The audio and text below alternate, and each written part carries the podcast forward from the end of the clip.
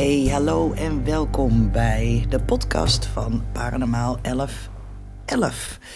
Leuk dat jullie weer luisteren. We zijn inmiddels bij uh, aflevering 12, geloof ik, alweer beland. Of 13. Nou, ik zou het eventjes niet weten. Zoek ik straks op.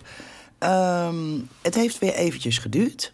Zoals jullie uh, wel gezien hebben.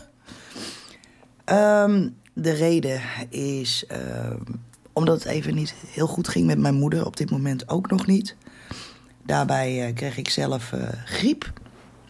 Dus ja, al met al is het geen prettige situatie. en zeker niet na het luisteren misschien van de laatste podcast. het zat al even tegen, maar het zit nou toch best lang tegen. Mag de Brett niet drukken om nog een podcast te maken, want dat blijf ik toch doen. Ja, alleen soms lukt het gewoon niet binnen de tijd. En dat brengt me eigenlijk ook wel gelijk op uh, zo'n feitje waar je te weinig bij nadenkt eigenlijk. Namelijk dat je alles vanzelfsprekend aanneemt. Van, oh, overmorgen doe ik dat. En hè, een mooie planning maken. Um, ja, niks in het leven is natuurlijk vanzelfsprekend. En nou ja, ik werd wel weer eventjes met mijn neus op de feiten gedrukt in dit geval. En hoe graag ik ook podcast maak, om de een of andere reden is er de laatste maanden gewoon te veel gebeurd, waardoor ik het gewoon niet uh, elke twee weken uh, kan volbrengen om een uh, podcast te maken. Ik wil me er wel, zodra het lot het toelaat en alle omstandigheden, ehm, me toch meer blijven verdiepen in het maken van podcasts en hoe ik dat kan gaan uitbreiden. Het is namelijk iets wat ik ontzettend graag doe. En gezien alle reacties uh, zie ik gewoon dat het ontzettend goed beluisterd wordt. Wat natuurlijk heel fijn is. Uh, een hoop mensen hebben er wat aan. Ik krijg ook uh, ontzettend veel uh, mailtjes nu naar aanleiding van de podcast. En geloof me, ik probeer iedereen binnen twee dagen te beantwoorden. En negen van de tien keer lukt dat. Ja, en heel soms niet. Um, ik krijg ook wel aanvragen tot fotolezingen. Um, middels uh, het luisteren van de podcast. Dus die aanvragen komen ook binnen. En ja, ik probeer dat wel voor iedereen te doen. Maar dan is het wel gewoon heel duidelijk dat ik gewoon een foto erbij moet hebben. Ik moet niet zelf moeten gaan zoeken op internet uh, van ja, daar en daar vind je mijn foto. Dat werkt gewoon niet en zoveel tijd heb ik ook niet. Op dit moment zit ik met fotolezingen echt zeker vol tot en met mei dit jaar. Ook omdat ik een aantal afspraken heb moeten uh, opschuiven in verband met de zorg van mijn moeder. Dus ik hoop wel uh, op jullie begrip. Maar ja, voor degenen die uh, het alleen maar leuk vinden om te blijven luisteren. Nou ja, deze ronde vandaag gaat over de tweelingziel. Ik heb dat vorige week of vorige keer al volgens mij verteld dat dat helemaal klaar had staan. Uh, nou, tussentijds, geloof het of niet, crashte mijn computer. Dus die moest helemaal leeggemaakt worden. Ik had wel een hoop opgeslagen, maar die laatste podcast natuurlijk nog niet. Ehm, dus ja, die is. Uh, die was weg, dus ik ga hem gewoon vandaag helemaal overnieuw inspreken. Uiteraard hebben we ook weer de steen van de week en de kaart van de week. Maar we beginnen vandaag bij de tweelingziel. Ja, en wat is nou een tweelingziel? Nou, dat is een hele goeie. Um, deze uh, hele aflevering is uh, gebaseerd natuurlijk op mijn eigen ervaringen ook. En uh, wat ik heb doorgekregen. En dan zie ik toch wel ik ging eens kijken op internet wat daar eigenlijk over, over te vinden was. En dan zie je heel veel mensen die in één keer zijn gaan kaartleggen uh, voor tweelingzielen. Vind jouw tweelingziel? Uh, en eigenlijk wordt daarbij direct vermeld van... is jouw partner jouw tweelingziel? Um, nou, ik kan je echt bij deze vertellen... wat ik ben tegengekomen is ontzettend veel bullshit... En uh, kaartleggingen van uh, 30 euro per kaartlegging voor een tweelingziel. Um, ja, dat gaat helemaal nergens over natuurlijk. Um, een tweelingziel is niet per definitie je partner. Zo werkt het helemaal niet. Je hebt een soulmate en je hebt een tweelingziel. En er zit toch wel een, uh, een wezenlijk verschil in. Um, ja, hoe kan ik het dan het, het beste uitleggen.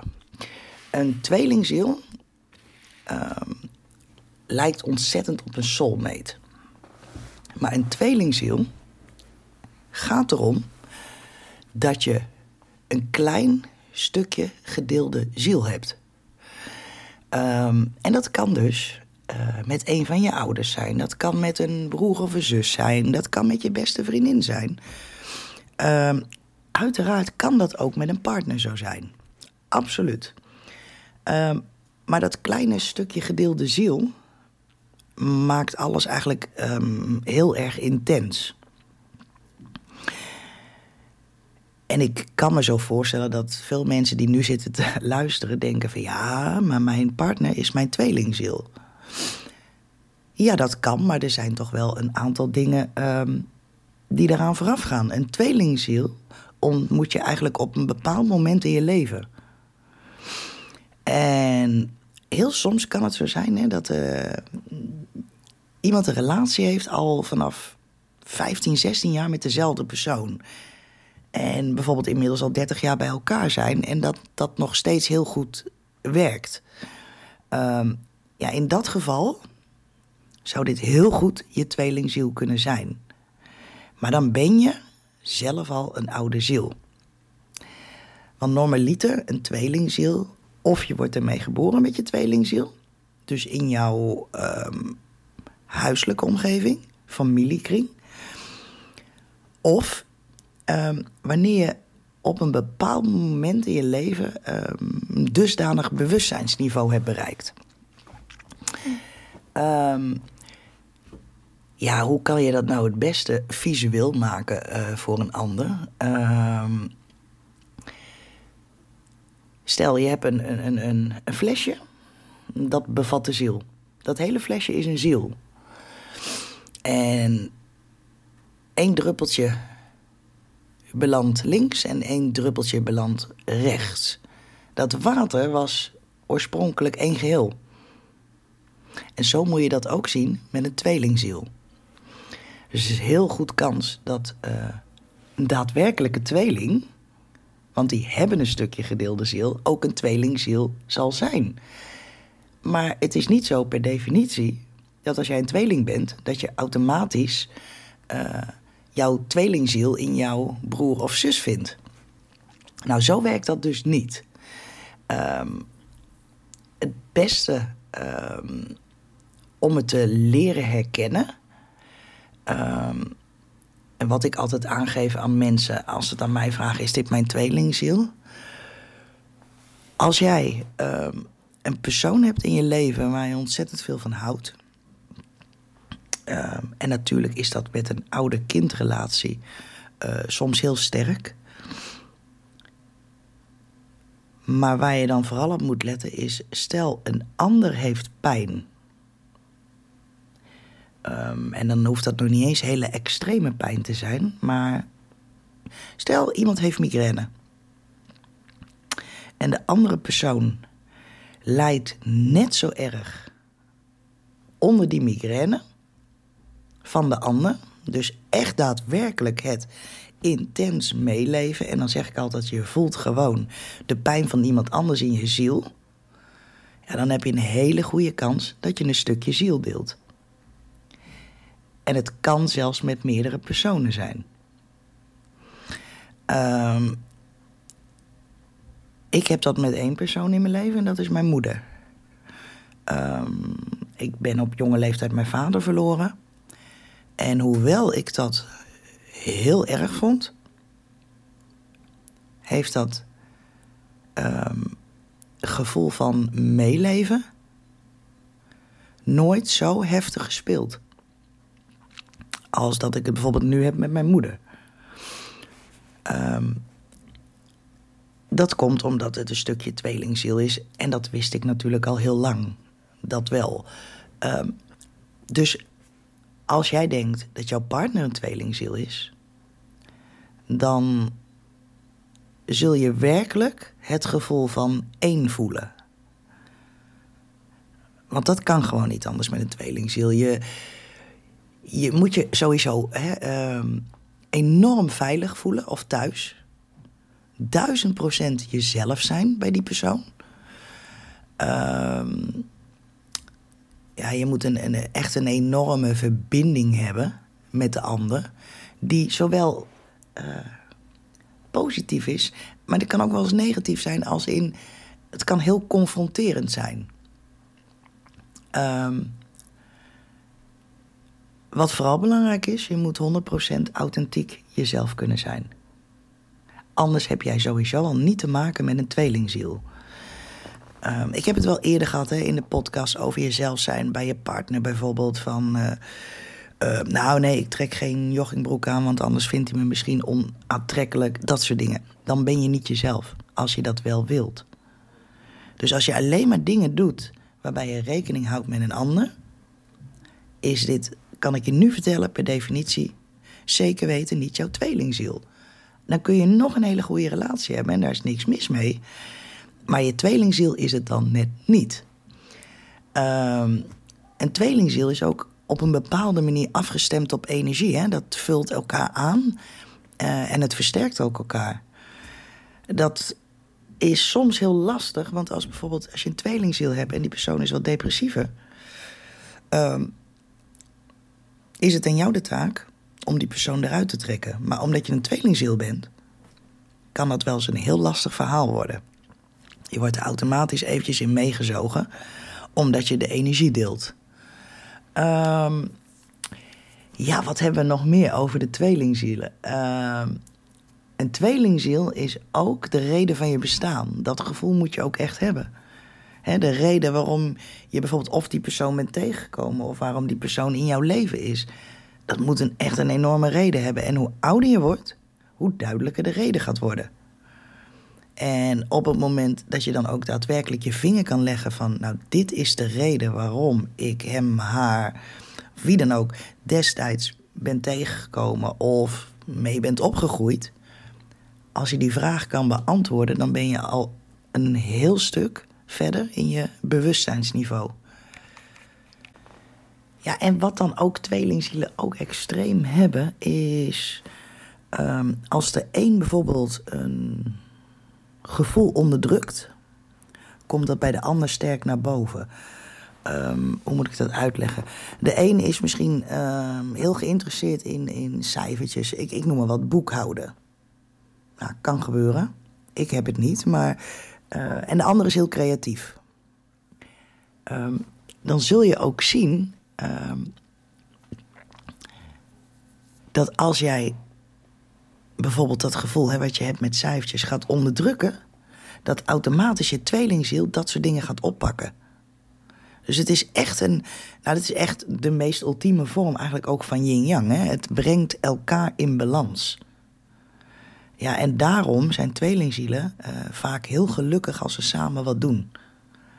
Als ze op een gegeven moment weer samen op dat niveau zitten, dus niks onderdrukken, dan is dat toch echt wel een gevoel van euforie. En dat heeft in die zin niks met uh, de liefde te maken, als in uh, relatie.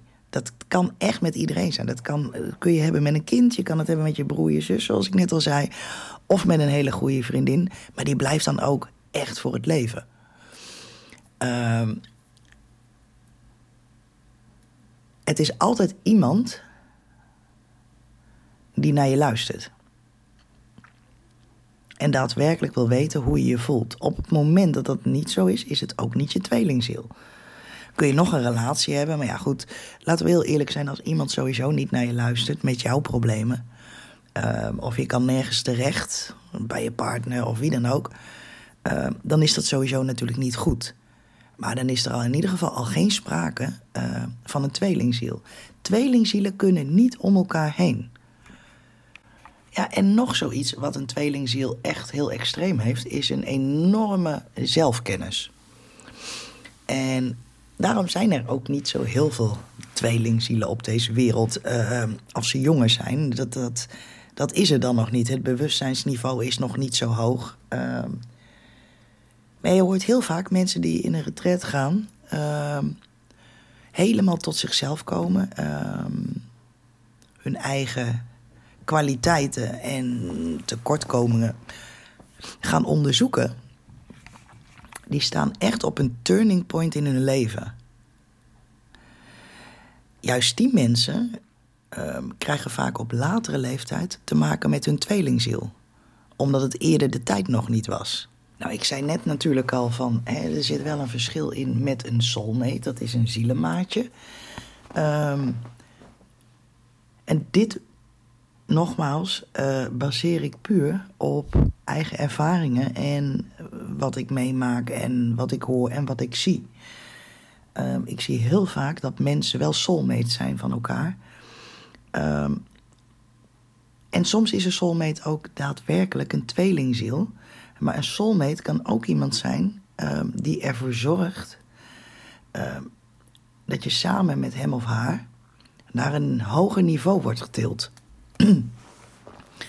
ja, en wat bedoel ik daar dan mee? Um, het is voorbestemd. En soms is er in een vorig leven iets niet afgemaakt met iemand. Uh, zeker in de relationele sfeer. Um, en dan moet je in dit leven nog iets goed maken. Daar heb je zelf voor gekozen, uiteraard. Maar um, ja, dat is meer het principe van een soulmate. Je, je hebt dezelfde soort energie, je hebt ook dezelfde interesses. Um, en je tilt elkaar naar een hoger niveau. Wat heel fijn is. Je kan ook puur jezelf zijn bij de ander. Ja, dan heb je wel echt te maken met een soulmate. En dat is eigenlijk een, een maatje voor het leven. Waar je ook niet meer zonder kan. Um, dat lijkt heel erg op een tweelingziel, maar dat hoeft het dus niet altijd te zijn. Kijk, ergens, laten we heel eerlijk zijn, ergens heb je meerdere stukjes ziel, uh, maar ga je niet allemaal in dit leven ontmoeten. Dat kan gewoon niet. En dan kun je ook wel voorstellen, misschien als ik het wat duidelijker maak, mensen die een abortus hebben laten plegen, die een miskraam hebben gehad of wat dan ook, dat was een stukje van hun ziel. Zowel van de man als van de vrouw. Nou, dat st stukje ziel is niet op aarde gekomen. Het kan zijn dat het dan in dit leven nog op je pad komt. Want het is een stukje van jouw ziel, dus tweelingziel. Um, of in een volgend leven. En daarom is altijd ook zo belangrijk, en ik blijf dat benadrukken. Um, heb diep respect voor de ziel die bijvoorbeeld niet op aarde is gekomen. Brand een kaarsje, wees je ervan bewust. Onthoud de datum en eer dat stukje van je ziel. Want het komt hoe dan ook terug in jouw leven. Het zij in dit leven nu of in een volgend leven. En ik vind het, ja. Um, het zou heel raar zijn als je uh, van je eigen ziel niet zou herkennen. Of erkennen, kan ik beter zeggen. Dus bedenk heel goed uh, wanneer dit aan de hand is geweest. En ik snap, hè, vroeger werkte dat niet zo. Hè. Werden, miskramen een beetje onder de tafel geschoven. Um, maar het is nooit te laat om er toch even goed bij stil te staan. Dus ja, het is een lastig onderwerp. Een soulmate ligt dicht bij een tweelingziel, maar dat hoeft het niet per definitie te zijn. Onthoud dat in ieder geval. Um, ja, het kan ook heel heftig zijn hè, als je je tweelingziel uh, tegenkomt. Want um, stel, het is niet je broer, je zus of je ouders of je kind.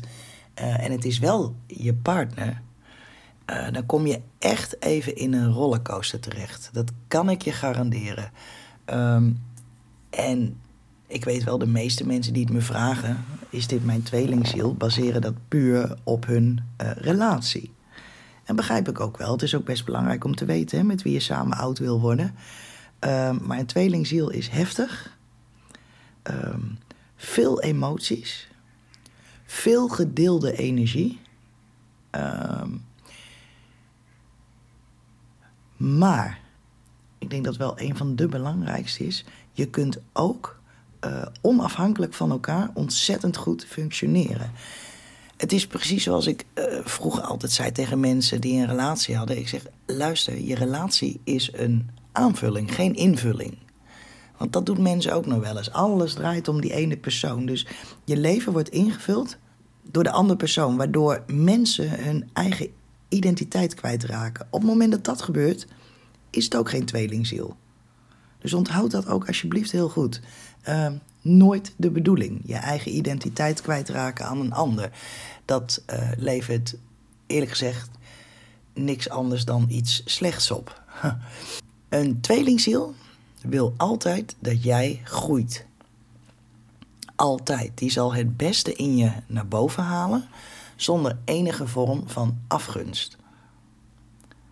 En dat is wat een tweelingziel doet. En nou lijkt dat heel makkelijk, uh, als ik het zo zeg, maar het is alles behalve.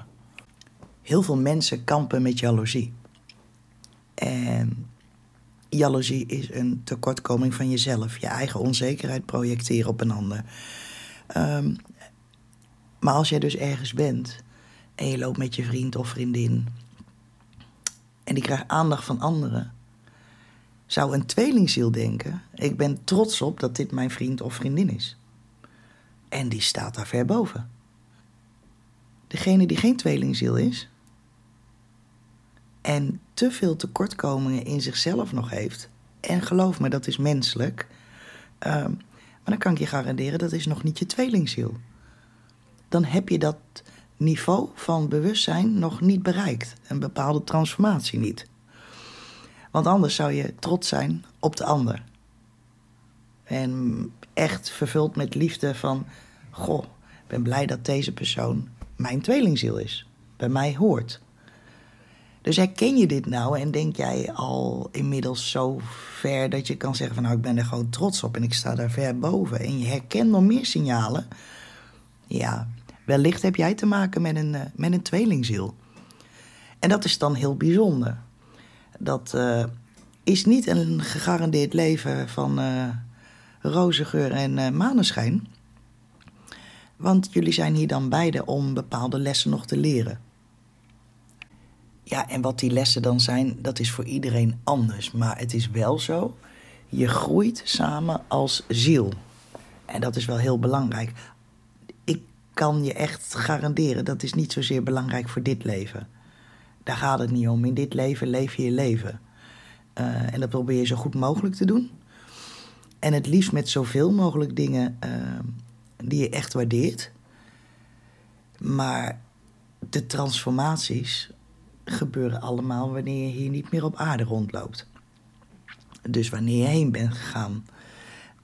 Dat maakt het ook voor sommige mensen heel moeilijk om te denken van ik ben er nu al mee bezig. Want ik weet het toch niet in een volgend leven. En dat begrijp ik. Um, begrijp dat heel goed zelfs. Maar je zal zien hoe meer uh, naar jezelf uh, naar binnen kijkt. En echt eens gaat afvragen waarom je doet wat je doet en waarom je reageert zoals je reageert. Dat je daar ontzettend van groeit. Ja, en voor de mensen die op dit moment geen relatie hebben of totaal niet het gevoel hebben een tweelingziel uh, in hun leven te hebben. Um, ja, ik zou zeggen, wil je dat wel? Ga dan eens een week kijken hoe dat gaat met in jezelf keren, met meditatie. Um, en ga je er echt in verdiepen, in het bewustzijn. Helaas doen we dat maar zo weinig op een dag. Dat dat voor heel veel mensen gewoon niet eens haalbaar is. Dat is ook niet erg, maar dan zit je nog niet op dat niveau. Het feit dat je luistert naar deze podcast zegt me wel uh, dat je hierin bent geïnteresseerd en dat je wilt groeien. Dus um, als je dat ook echt daadwerkelijk wil, plan dan eens een keer een week voor jezelf in. Leg je social media opzij. Um, trek de natuur in. Leer hoe je moet gaan mediteren. Maak een start. Um, ja, en kijk even van tevoren op internet heb je zoveel manieren om uh, je bewustzijn te verruimen. Goede boeken lezen is ook essentieel, want je leert dingen herkennen. En probeer eens te focussen op de energie om je heen en jouw eigen energie. Want hoe jij in je vel zit, um, is collectief. Hè? En mensen bevatten dat vaak niet. Als ik zwaar depressief een ruimte binnenkom en kan het zo zijn dat ik mensen gewoon ook mee naar beneden trek. Dat is collectieve energie. Kom jij vrolijk een ruimte binnen en je bent echt lief voor anderen, zul je merken dat krijg je terug, direct. En dat bedoel ik met collectieve energie. Nou ja, goed, ik denk dat ik misschien, hoop ik althans, wat duidelijk heb gemaakt over de tweelingzielen. Laat je alsjeblieft niet te veel beïnvloeden door allerlei eh, zaken op internet die totaal niet waar zijn. Of kaartleggingen gebaseerd op een tweelingziel. Want, nou ja, nogmaals, meestal is het uh, een leuk verdienmodel. Nou, en dat gaat helemaal nergens over. En daar heb je ook niet echt tweelingzielkaarten voor nodig, absoluut niet. Wil je daar meer ja, kijk in hebben, dan zou je ook gewoon de tarot kunnen raadplegen voor jezelf. Dus dat is ook een ding. Um, maar goed, ik kan je alleen maar aanraden, geef daar niet te veel geld aan uit, want het is een verdienmodel. Dus nou ja, tot zover uh, de tweelingzielen. Ik hoop toch wel dat jullie er wat aan hebben gehad. En kijk gewoon eens goed om je heen en kijk eens wat je voelt. En vooral die gedeelde energie hè, en dat meeleven, uh, wat je echt keihard raakt. Zoals ik altijd zeg, in het diepst van je ziel. Ja, dan heb je wel te maken met een zielenmaatje. Zo noem ik ze overigens vaak, een zielenmaatje. Nou ja, goed. Um, tot zover de tweelingziel. Heb je vragen? Uh, ben ik niet duidelijk geweest, want het kan ook, hè? Um, stuur gewoon eventjes een e-mailtje naar alice.paranormaal 1111.nl ehm, of info.paranormaal1111.nl. Dat is misschien nog makkelijker. Um, Goed, we gaan verder en we gaan inmiddels naar de kaart van de week.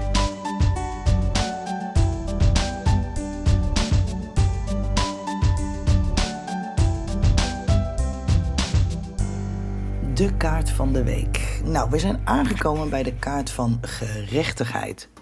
Een hele mooie kaart in de tarot. Ik kan niet anders zeggen. Volgens mij is het uit mijn hoofd kaart 11. Um, ja, en wat houdt gerechtigheid nou in? Je ziet hem uh, bij het White Raider uh, tarot zie je hem op een stoel zitten. Um, rechtop, hè. Um, want ja, je kan de kaarten natuurlijk ook omgedraaid uh, pakken. Rechtop staat deze kaart, nou zoals het al zegt, voor rechtvaardigheid, de wet, de waarheid. maar ook zeker voor het verantwoordelijkheid nemen voor je eigen acties. En dat wordt nog wel eens onderschat bij deze kaart. Nou ja, omgedraaid staat hij voor onrecht, oneerlijkheid en onberekenbaar. En in een enkel geval staat deze kaart ook voor een scheiding of juridische kwesties. Maar goed, uh, gerechtigheid is datgene wat je zelf doet en daarom ook weer terugkrijgt. Een beetje uh, vergelijkbaar met karma. Ehm gerechtigheid staat voor uh, een helder objectief inzicht en het vormen van een, van een oordeel. Um, daar is dan altijd over nagedacht. Het is echt daadwerkelijk hetgene wat je zelf doet, krijg je terug. Ben je eerlijk, wordt je handelen beloond. Heb je geen oprechte bedoelingen, zal je plan ook niet slagen. En de kaart geeft gewoon aan dat je voor een heel groot deel zelf verantwoordelijk bent voor datgene wat je meemaakt. Um, het staat ook voor evenwichtigheid en uh, ja, eerlijkheid. En het geeft aan uh, dat je ook op dat moment krijgt wat je toekomt. En nou krijg ik heel vaak de vraag als ik deze kaart trek. En ik leg dat ook zo uit van... Uh, ja goed, ik ben ziek. Um, ben ik daarom slecht geweest voor andere mensen? Nou, zo werkt het dus niet. Geloof me, zo werkt het niet. Um, ik leg dan wel vaak uit van kijk, als je um, heel vaak negatief in je gedachten bezig bent, um, slaat dat wel op je lichaam. sommige dingen overkomen je omdat je ze mee moet maken. En het is dan meer aan hoe jij ermee omgaat. Maar het is niet zo omdat jij wat slechts doet of uh, misschien doe je helemaal niks slechts, maar er overkomt je wat slecht. Dat je per definitie iets slecht uh, hebt gedaan. Ik uh, leg altijd het vergelijk met ehm, kinderen die op hele jonge leeftijd sterven. Zeg rond één jaar, twee jaar. Ehm, daar zit geen kwaad bij. Die hebben ook de gedachtegang nog niet. Er zit gewoon geen kwaad bij. Soms is het leven gewoon niet eerlijk. Um, er gebeurt niks toevallig. Dat is echt wel iets uh, waarvan ik zeker ben. Maar zolang wij het universum niet ten volle kunnen bevatten, zal dit antwoord uh, nooit gegeven kunnen worden. Het hoe, wat en waarom. Um, de mensen die erg gelovig zijn, die zullen zeggen: ja, Gods wegen zijn ondergrondelijk. Um, ergens is dat ook wel zo. De wegen van de ziel zijn ondergrondelijk. Het universum is almachtig en oneindig, dus um, zo ook de ziel. Die vraag hoef je mij dus niet te stellen hoe dat zit. Ik kan alleen aangeven: het is niet zo als jij wat slechts hebt gedaan. Uh, dat je daar keihard voor wordt gestraft. Het is meer als je iets doet wat niet door de beugel kan. en je bent je er zelf van bewust. zit je op de goede weg. Uh, doe je iets slechts en je bent je er niet eens van bewust als in zijnde van je vindt het eigenlijk de normaalste zaak van de wereld, ja, dan gaat jou nog veel meer overkomen. Ja, dat is een logisch geheel.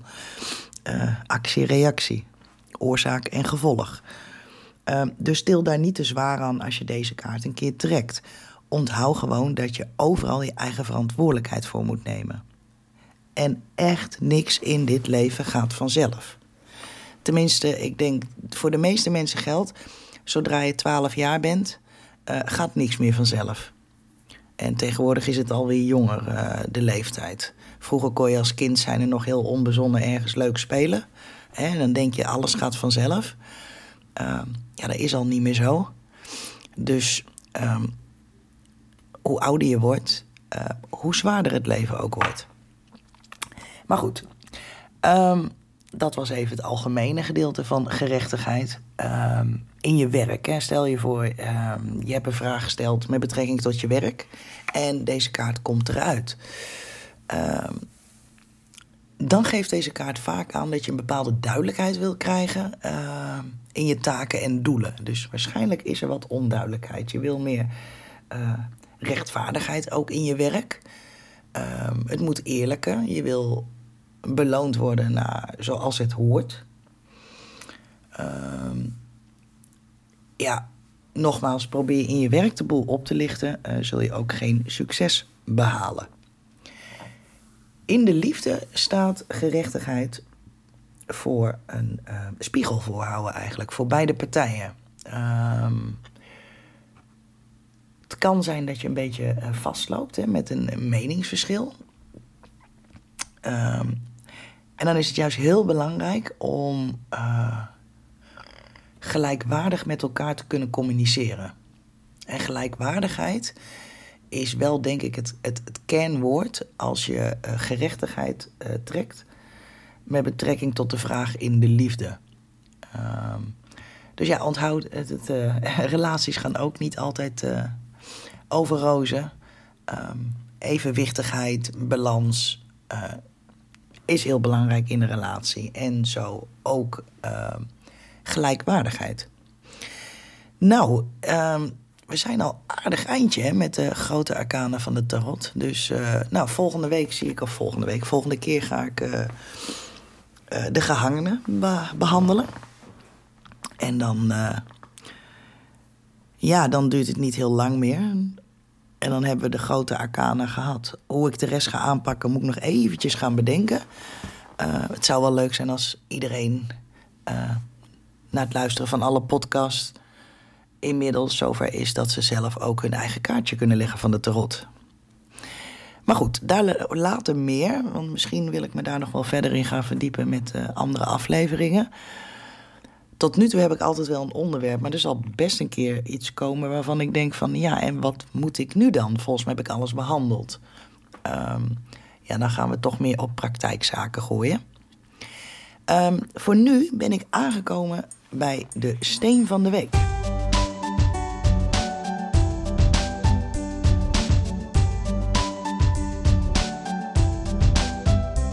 Ja, de steen van de week. Ik heb deze keer een hele bijzondere steen uh, uitgekozen.